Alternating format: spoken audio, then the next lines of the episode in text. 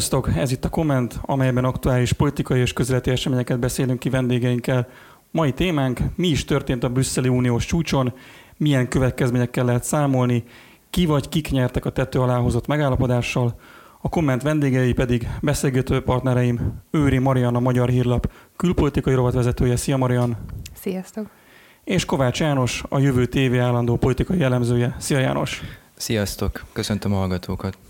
Akkor egy kis felvezetés, hosszú viták és egyeztetések után sikerült végre elfogadni az uniós költségvetésről szóló megállapodást, illetve a koronavírus járvány miatt szükségessé vált gazdaságot helyreállító csomagot, de a jogállamiság kérdése is szerepet kapott a tárgyalóasztalnál. Számszerűen nézve egy 1824 milliárd eurós uniós költségvetésben állapodtak meg az uniós állam és kormányfők a csúcs találkozó ötödik napján. A megállapodás szerint a következő 7 éves költségvetési ciklusra 1074 milliárd euró lesz, ehhez jön még egy 750 milliárd eurós gazdasági helyreállítási alap is. Ebből a 390 milliárd euró jut majd vissza nem térítendő támogatások formájában a gazdasági helyreállításra, illetve 360 milliárd euró hitelt vehetnek fel ugyanerre a célra a tagállamok. Borzalmasan sok EU pénzt kap Magyarország, közel feléve is nőhet az elkölthető keretünk, írta a portfólió. A pénzügyi portál óvatos becslései szerint a 2014-2020-as uniós ciklusban minden csatornán keresztül elosztható 39 milliárd eurónyi EU támogatáshoz képest a 2021-27-es időszakban akár 52,8 milliárd euróra is ugorhat a Brüsszelből várható pénztömeg a 2018-as árak mellett. Főként a kormánypártnak tartott sajtóban hangsúlyozták, hogy a megállapodás keretében Magyarország 3 milliárd euróval több pénzt kap a tervezetnél.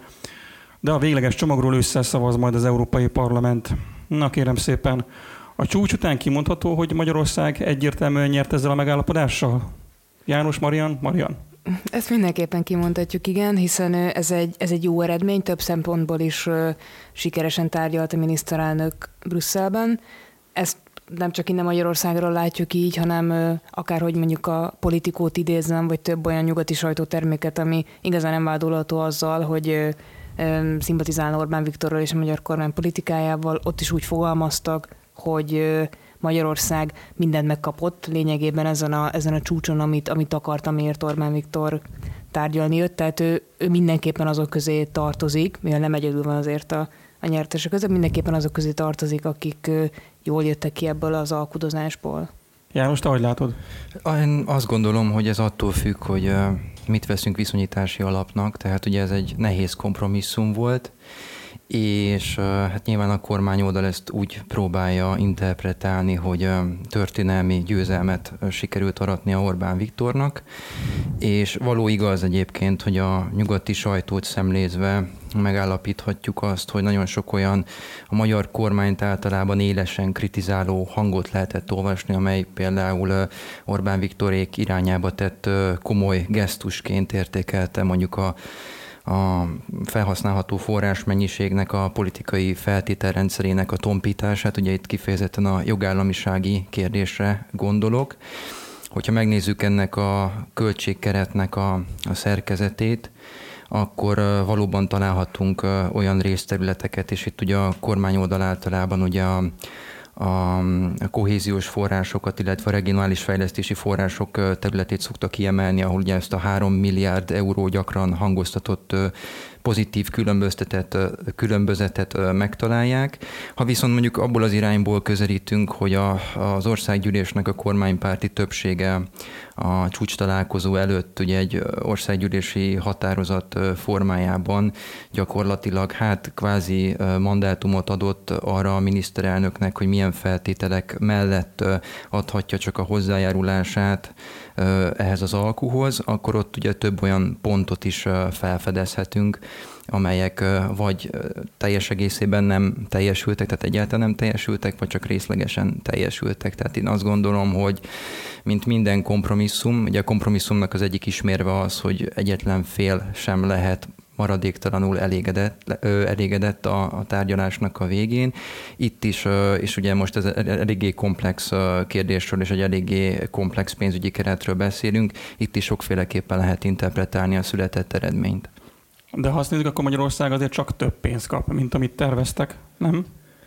Hát ilyen, ilyen értelemben akkor Magyarország az mégiscsak nyert valamilyen módon. Ugye nem véletlenül tettem fel úgy a kérdést, hogy Magyarország nyerte, és nem azt, hogy Orbán Viktor. Kicsit előre is ment a János, és a következő kérdésem az lett volna, hogyha Magyarország esetében abban meg tudunk állapodni, és hogy én elnéztem a reakciókat, azért a gazdasági lapok, a gazdasági szakértők, de még azért az ellenzékből is azt lehet látni, hogy az az összeg, amit Magyarország kapott, azt arra senki nem mondja, hogy ez egy, hogy ez rossz megállapodás lenne, tehát ezt a részét általában véve pozitívnak szokták mondani. Viszont, hogyha Magyarország nyert ezekkel az összegekkel, akkor innen adódna számomra a kérdés, és azért ment egy picit előrébb ebben a hmm. kérdésben János, mert, mert hogyha nyert Magyarország ezzel a megállapodással, akkor el lehet azt mondani, hogy Orbán Viktor mégiscsak jól tárgyalt, és a Orbán Viktor esetleg győzedelmesen térhet haza, vagy ezért akkor ennél árnyaltabb a kép? Bocsáss meg, akkor gyorsan mm, válaszolnék a saját tudásom szerint. Tehát ugye ez, a, amit a felvezetőbe elmondtál összegszerűen, ez egy becslés volt még, tehát ez nem egy végső kiforrott összeg. Most egyelőre valóban úgy tűnik, hogy számos részterületen, tehát a költségvetési főösszeg alatt sikerült egyébként pozitív, a korábbi tárgyalási szakaszokhoz képest pozitív hozadékot elérni, tehát többletforrást biztosítani. Ugye itt az is fontos, hogy itt az az összeg, amit említettél szintén a felvezetőbe, az már a helyreállítási alappal tehát a lehetséges hitelfelvétellel együtt korrigált vagy figyelembe vett összeget mutatja, nem önmagában a 2021 és 27 közötti keretköltségvetésnek a Magyarországra első részét. Ugye arról is érdemes beszélni egyébként, amikor korábbi ciklusokkal vagy évekkel hasonlítjuk össze mondjuk a mostani eredményt, amit még nyilván az Európai Parlamentnek és a tagállami parlamenteknek is ratifikálniuk kell. Tehát ugye ez is még azért módosulhat, hogy itt ez egy, egy Brexit utáni költségvetésről van szó, ugye eleve egy, hát az ambíciókhoz és egyébként az Európai Parlament kívánalmaihoz képest egy kisebb tortát kellett azért több felé szeretelni, illetve hát Magyarország is most már ugye, ahogy haladunk előre az időbe, ciklusról ciklusra egyre mérsékeltebb kohéziós forrás mennyiségre számíthat főszabály szerint a felzárkózási folyamatnak köszönhetően. Marian, Orbán Viktor szerinted jól tárgyalt? Az eredményeket figyelme természetesen ö, mindenképpen, ezt ugye széles körben el is ismerik. Ha a számokat nézzük, akkor ugye mindenképpen pozitív, hogy plusz természetesen a magához a helyreállítási alaphoz eleve úgy állt hozzá a kormány, ezt számtalan szóval is mondta Orbán Viktor, hogy alapvetően ennek nem örülnek, annak, hogy, a, hogy az EU hitelt felvesz, annak, hogy ez a szituáció egyáltalán előállt, de most az egyszer tekintet figyelembe véve ezt a különleges helyzetet, ezért nyilván ezt Magyarország is kénytelen támogatni, tehát alapvetően maga megállapodás, ugye azt még vasárnap mondta Brüsszelben, nem, nem rajta fog múlni. Na hát akkor nézzük végre, hogy mi a helyzet ezzel a jogállamisággal. Egyrészt a feltételrendszer az benne maradt a végső megállapodásba, de az olybá tűnik, hogy annyit ér, mint halottnak a csók. Az Index eurológus voltában úgy fogalmaztak, úgy van megfogalmazva, hogy utat nyit az értelmezésnek és a további tárgyalásoknak. Emellett az Európai Parlament öt legnagyobb frakciójának álláspontja szerint sajnálatos, hogy az uniós vezetők meggyengítették az uniós költségvetés jogállamisági feltételrendszerét. Ha ezt a témát tovább is viszik az Európai Parlamentben, már pedig tovább fogják vinni, akkor ebből megint egy ilyen véget nem érő vita lehet. Ti hogy látjátok? Akkor kezdem én. Hát azt gondolom, hogy volt annyi belátás a csúcson jelenlévő állam és kormányfőkbe, hogy a hosszú viták után ö, konstatálták, hogyha valamilyen nagyon ö, kemény feltételt, jogállamisági kritériumot és ehhez kapcsolt eljárásokat is ö, bele akarnak foglalni ebbe a megállapodásba, akkor az egyszerűen nem fog ö, keresztül venni. Ugye itt két olyan tagállamról is kell beszélnünk, ugye Magyarországról és Lengyelországról, amelyekkel szemben ugye a hetes cikkely szerint már ugye régóta elhúzódó jogállamisági eljárás van folyamatban.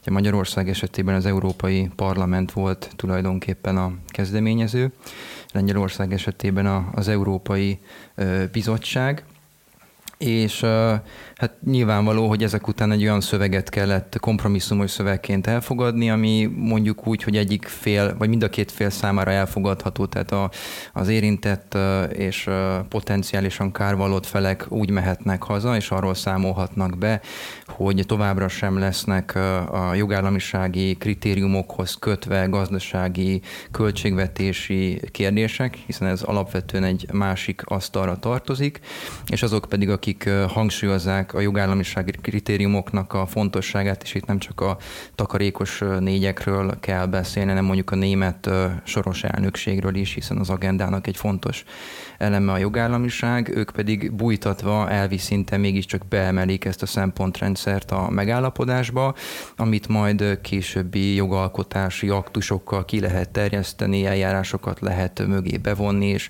hát érdemben ki lehet vívni azt, hogy ez egy működőképes, ösztönző vagy szankcionáló formula legyen. Ha már a németeket említetted, akkor a Der Spiegel című német hírmagazin idézték több magyar sajtótermékben, abban azt írták, hogy Angela Merkel német kancellár fel tudja mutatni, hogy a német soros EU elnökség alatt sikerült megegyezésre jutni, és neki ez is volt a legfontosabb. Az EU déli tagállamai megkapják a pénzüket, az északi tagállamok jelentős befizetési kedvezményekhez jutottak, Orbán Viktornak pedig egyelőre nem igen kell aggódni a jogállamiság ügyében. Ugye a magyar kormánynak az a narratívája, hogy sikerült a, a jogállamiság és a költségvetés kérdését azt ketté bontani. Marian? Így van, valóban egy olyan, olyan szöveget fogadtak el végül, ami után mindenki arcvesztés nélkül mehetett haza. Ezt a, egy német konzervatív labban, a Ciceróban úgy fogalmazták meg, hogy a jogállamiságra vonatkozó rész az a brüsszeli bürokrata prózának egy mesterműve. Ez egyébként egy valóban találó megfogalmazás. Ugyanis egyfelől leszögezik a dokumentumban, hogy a jogállamiság tiszteletben tartása fontos, ez benne van egy pontban, aztán van egy következő pont, ahol arról írnak, hogy meg lenne majd vezetni egy ilyen feltétel rendszert az Európai Unió pénzügyi, pénzügyi érdekeinek a, a védelmére, és hogyha valami jogsértés történik, akkor az Európai Bizottság tehet javaslatot bizonyos intézkedésekre, amelyről a tanácsban aztán minősített többséggel lehet dönteni.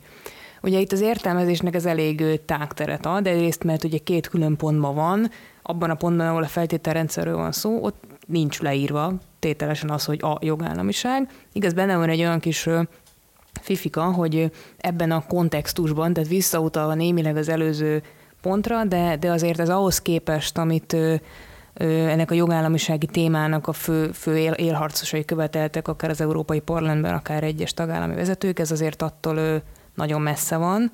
Ezt tényleg többféleképpen lehet értelmezni, és lényegében az lesz ebből, amit, amit majd csinálnak belőle. Tehát itt még nagyon sok küzdelem lesz különböző fórumokon, az Euró, Európai Parlament az valóban egészen biztosan nem fogja elengedni ezt a témát, hiszen ott a, a balliberális frakciók, illetve az Európai Néppártnak is hát nagyjából mondjuk a fele azok, akik ennek a témának igazán ö, ö, nagy szerelmesei, úgyhogy ők ezt biztos, hogy még tovább fogják pörgetni, ezt jelezte az EP-nek az elnöke, David Sassoli is, hogy a gazdasági része jó a megállapodásnak, a jogállamiság hát az, az ő nem eléggé, tehát ők ezt még biztos, biztos el fogják mondani, sokszor lesz erről határozott, lesz erről állásfoglalás, nyilván könnyebben csinálják ezt az európai parlamenti képviselők, hiszen rajtuk nincsen ott az a teher, mint a, mint a kormányfőkön és államfőkön, most akkor meg kell állapodni, és itt Európa sors rajtuk múlik, tehát ők viszonylag nyugodtan ugye mondhatnak bármit össze-vissza.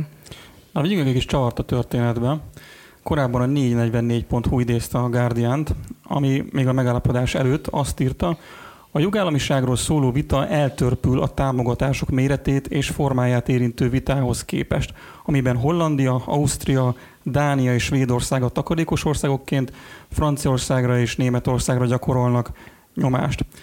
Az egész jogállamiság csak a só része, és inkább kőkemény gazdasági érdekekről szól az unió szkander. Hogy látjátok? Én azt gondolom, hogy a jogállamiság az nyilván több, mint a sónak a része, viszont ebben a kiélezett vitában, ahol mégiscsak pénzről és kőkemény érdekekről kellett dönteni. Itt ez egy kártya volt, egy ütőkártya volt a tárgyalóasztalon. Az volt a cél, hogy ezt zsarolási eszközként fel lehessen használni.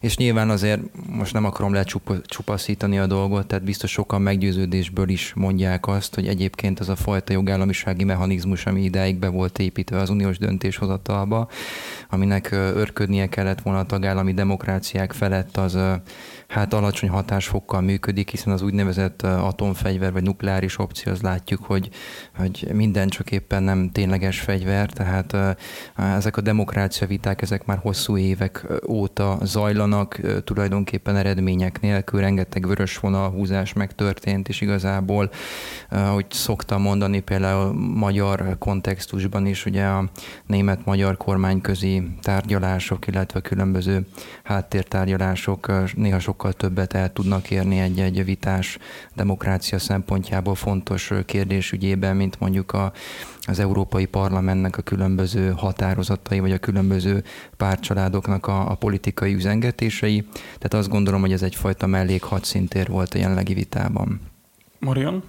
Szerintem is inkább a gazdasági kérdések voltak azért azok, amik igazán számítottak a takarékos négyeknek. Volt erről is olyan ö, ö, sajtókommentár, ezt egy közelebbről meg nem nevezett diplomata mondta, azt hiszem a politikónak a csúcs alatt, hogy egyre inkább az a benyomásuk, hogy ezt egész jogállamiságos dolgot azért erőltetik annyira a takarékos négyek, hogy kicsit úgy szimpatikusabbá tegyék magukat, miközben hogy valójában nem erről van szó, csak ez egy sokkal jobban kommunikálható dolog. Nyilván, hogyha arról van szó, hogy az EU pénzügyi érdekeinek védelme, akkor abban a abban a kontextusban az számít igazán, hogy a támogatásokat, a forrásokat, amik egyes országok kapnak, azt ők hogyan költik el, milyen, milyen hatékonyság a szabályosan használják-e föl. Most az, hogy emellett vannak-e ö, úgymond jogállamisági kérdések, ami eleve ugye a politikában egy kicsit rugalmasan kezelt kérdés, mi minden tartozik bele, ez ebből a szempontból azért nem, nem, nem elsődleges. Még egy, egy, egy mondatot Mondod. kiegészítésként, csak annyit akartam hozzáfűzni, hogy amikor ugye néhány tagállamnak a vezetője a jogállamiság kérdését firtatja, és harcosan kiáll mellette, azt nagyon sok tagállamban, hát főleg a nettó befizető országoknak a választói részéről, ezt nem is mindig a fékek és ellensúlyok rendszerével, vagy mondjuk az igazságszolgáltatás függetlenségével, vagy médiaszabadsága, stb. stb. kapcsolatban kapcsolják össze szorosan, hanem elsősorban a korrupciónak a kérdésével. És itt nagyon fontos az, hogy ezekben az országokban azért van egy nagyon erőteljes hangulat és társadalmi nyomás, hogy a nettó, adó, nettó befizetőknek az euró milliárdjai azok, hát ha már mindenképpen elvonásra kerülnek, mert egy szükség van egy kompromisszumra, egy nagyobb európai szolidaritás vállalás irányába, akkor az ne folyjon el különböző korrupciós csatornákon, hanem megfelelő mértékben hasznosuljon, és igazából a fukarnégyeknek vagy takarékos négyeknek ez a, az éles kiállása, ez tulajdonképpen úgy is értelmezhető, mint a saját választóik adó kifizetéseinek a védelme. Ugye Orbán Viktor arról is beszélt, hogy aki nem ért egyet a jogállamisággal, vagy nem alkalmazkodik, annak el kell hagyni az Európai Uniót, hogyha jól emlékszem, volt egy ezt hasonlatos kijelentése is, illetve a csúcs után közölte minden kísérletet, amely összekívánt volna kapcsolni két rendkívül fontos kérdést, az uniós pénzeket és a jogállamiságot sikerrel visszautasították, és ezzel összefüggésben egy teljesen új mechanizmus létrehozását szorgalmazták. Itt mire gondolhatott? Ö, ekkor arra gondoltam, amit Rutték javasoltak, ugye egy eddig, eddig meg nem lévő ellenőrzési mechanizmust a, a jogállamiság és a pénzek összekötésére, de, de hát ez végül is ugye nem, nem valósult meg ebből semmi, csak egy ilyen nagyon puha megfogalmazás. Na menjünk akkor tovább, és nézzük, hogy az ellenzéki politikában ez az egész megállapodás, ez hogyan csapódott le. Hát, ahogy én megnéztem, a magyar ellenzéki pártok többnyire elismerték, hogy az uniós csúcson született megállapodás az történelmi. Azt is, hogy a megállapodással Magyarország nyerte, bár utóbbi esetben már jóval árnyaltabban fogalmaznak. Orbán Viktort azonban egyik ellenzéki párt sem nevezte nyer, nyertesnek, sőt az ellenzéki vélemények szerint Orbán Viktor megbukott.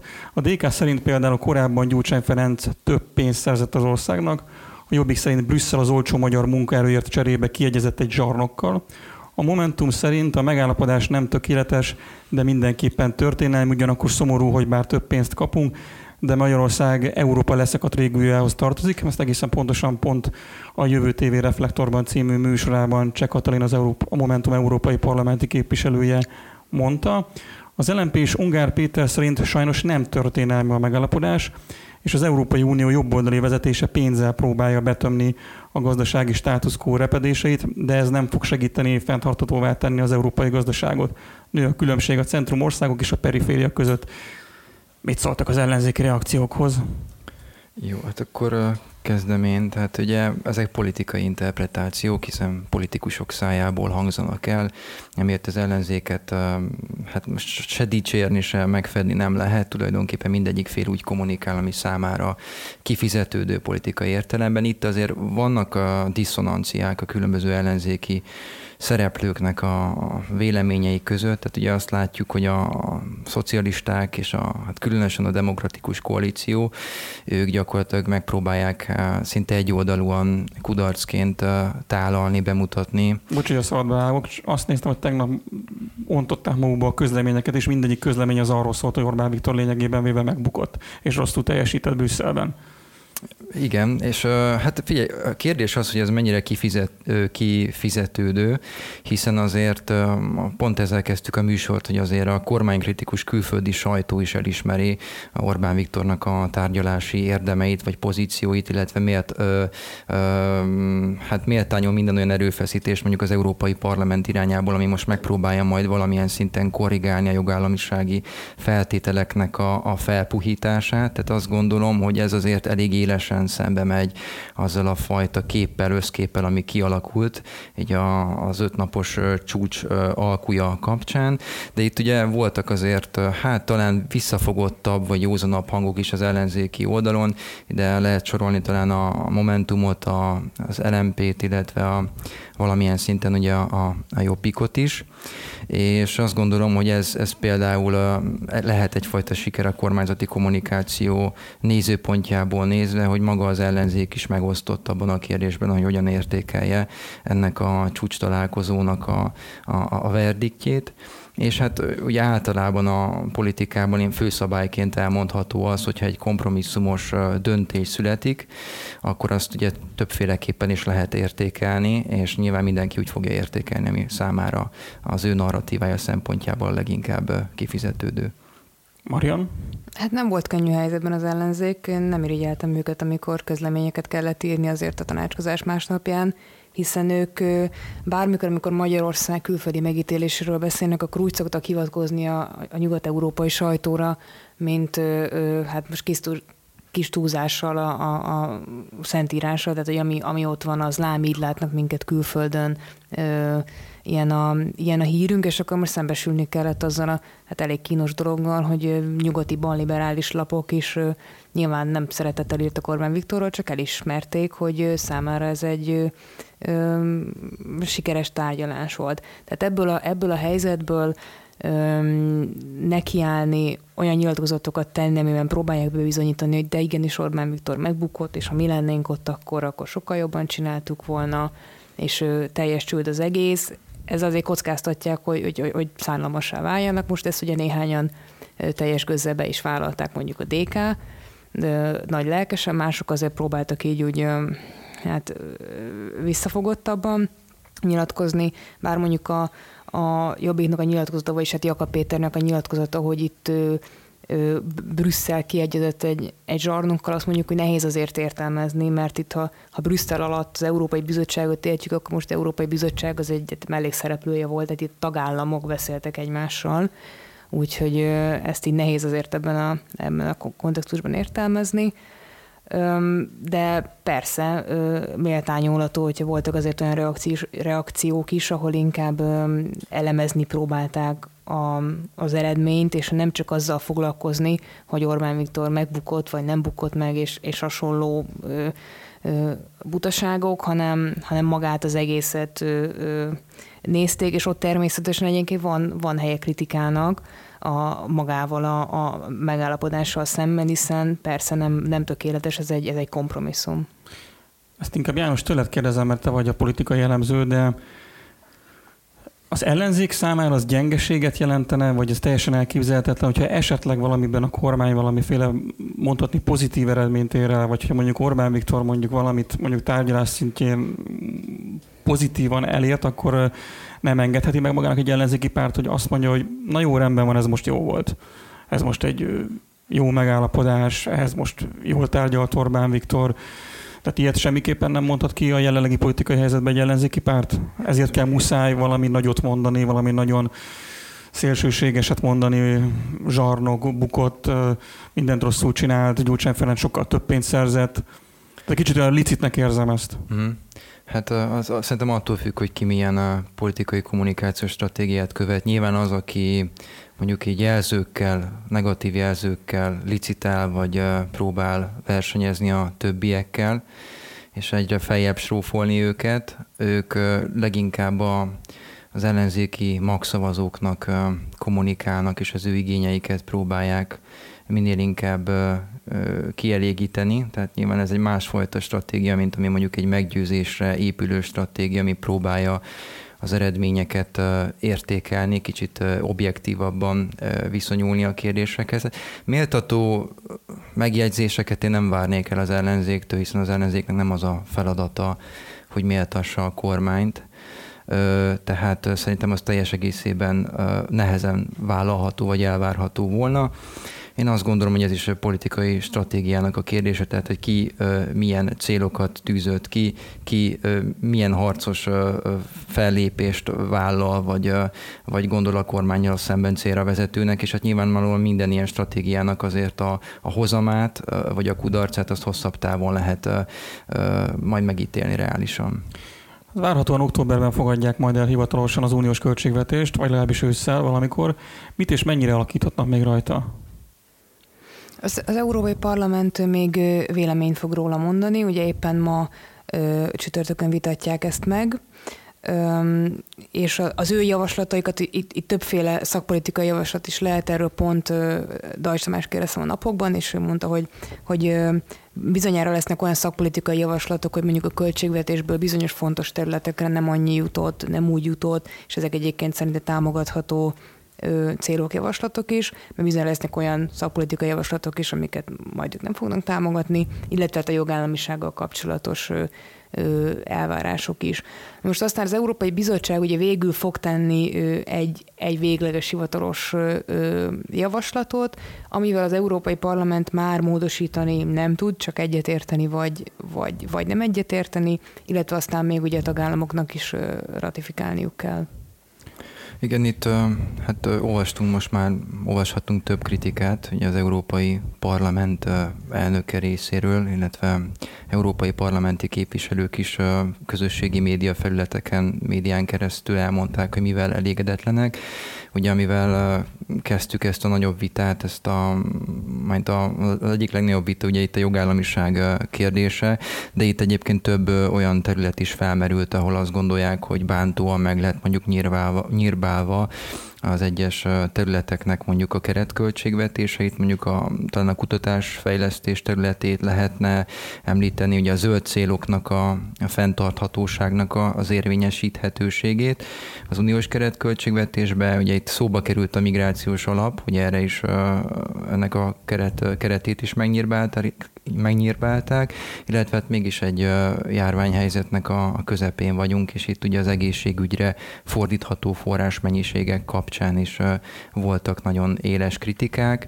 Azt gondolom, hogy azokat az EP részéről felmerülő kritikákat, amelyek mondjuk a, a, a csúcson létrejövő alkú, törékeny alkunak, a, tehát a kompromisszumnak a keretén belül maradnak, ezeket valamilyen szinten nyilván figyelembe fogja tudni majd venni a bizottság a jogszabálytervezetnek a, a előterjesztése, megírása során, viszont én nem gondolom azt, hogy alapvetően át írnák emiatt, már csak amiatt sem, mert, mert az gyakorlatilag újraindítaná az egész alkú folyamatot, és bár az európai parlamenti képviselők azok mondjuk nincsenek olyan szinten közvetlen kitéve annak a politikai nyomásnak, mint az egyes tagállamoknak a vezetői, hogy minél hamarabb megszülessen ez a megállapodás, de azt gondolom, hogy aki ebben a helyzetben, amikor tényleg látunk egy, egy, egy nagyon erőteljes válsághelyzetet a gazdasági értelemben, és ugye sürgető a, a segítség,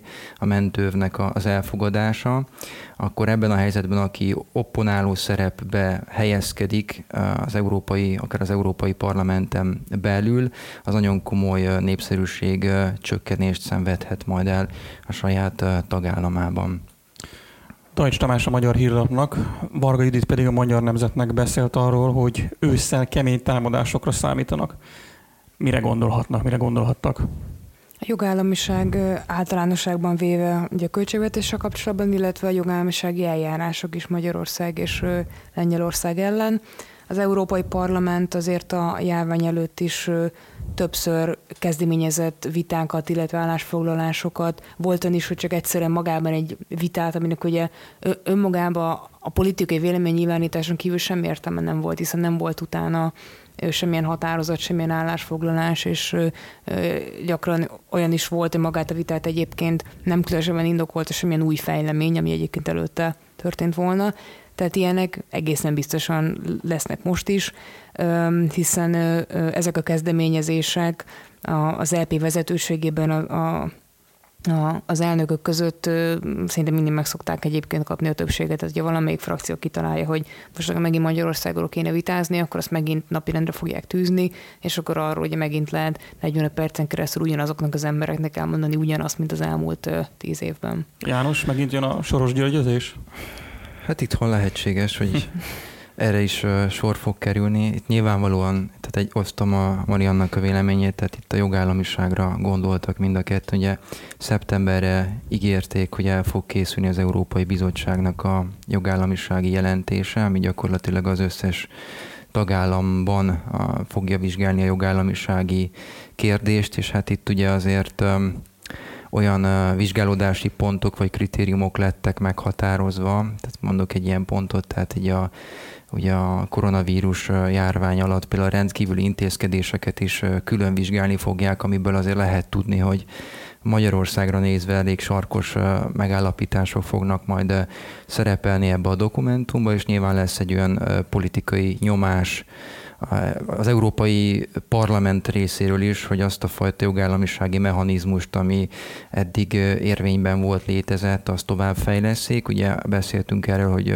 további eljárási oldali elemekkel ezt megerősítsék. Ugye itt az elmúlt időszakban vita volt ugye erről a fordított minősített többségről is, ami ugye arról szólna, hogy a 27 tagállamból 15 tagállamnak, akik egy, egyúttal képviselik az Európai Unió lakosságának legalább a 65 át kifejezetten ellen, szembe kellene menni a bizottság azon döntésével, hogy valamelyik tagállam konzekvensen megsérti a a jogállamiságot ugye az Európai Unió tanácsában, és azzal lehetne gyakorlat, gyakorlatilag blokkolni ezt a fajta szankcionáló rendszert. Itt azért nagyon komoly viták felmerültek ezzel kapcsolatban, és egyébként jogi természetű, nem csak politikai természetű viták. Ugye itt voltak olyan vélemények, hogy tulajdonképpen egy ilyen mechanizmus az szembe menne az alapszerződéseknek a szövegével is, úgyhogy hát nyilván ezt nem a mi tisztünk, tehát nem, nem mi vagyunk hivatottak ezt megítélni. Én is azt gondolom, hogy egy nagyon éles demokrácia vita várható majd az ősz folyamán, és hát különösen amiatt is, mert ugye Orbán Viktor azért félig formálisan, informálisan kapott azért ígéretet arra, hogy az országgal szemben zajló hetes cikk szerinti jogállamisági eljárást azt fel fogják gyorsítani, ha ugyan egyébként nem is fogják lezárni feltétlenül, tehát egy meghatározott határidőre, és én azt gondolom, hogy ha viszont felgyorsítják, hogy erre meg lesz a politikai akarat, akkor az egy, egyúttal azt is magával hozza, hogy ez a vita az intenzívebbé válik. Marian, esetleg még ez akarsz hozzászólni, vagy valami záró gondolat, vagy vagy így mindent elmondtál? Hát nagyjából minden, még esetleg annyit, hogy ugye nem csak az Európai Parlament, hanem az Európai Néppárt is még egy frontja lehet azért ezeknek a uh-huh. dolgoknak, hiszen ugye váratóan ősszel lépnek tovább ugye a, a, a Fidesz tagságával kapcsolatos vitában, és ez is egy olyan, olyan kérdés, mint, egy, mint a jogállamisági eljárás egyébként, hogy itt így azért a többség ezt így, így, így tolja maga előtt, de se lenyelni, se köpni nem tudják e, ezt a kérdést. Köszönöm szépen, ez volt már a, a komment. Köszönöm szépen Őri Mariannak, a Magyar Hírlap külpolitikai rovatvezetőjének a mai beszélgetést, és köszönöm Kovács Jánosnak, a Jövő TV állandó politikai elemzőjének is. Ha van valamilyen véleményetek vagy észrevételetek a műsorral kapcsolatban, akkor azt a sajtókukacjövőtv.hu e-mail címre tudjátok megírni. Még egyszer köszönöm szépen, Marian. Köszönöm én Köszi szépen, János. Én is köszönöm a lehetőséget. Lesz még komment. Sziasztok! Sziasztok! Sziasztok!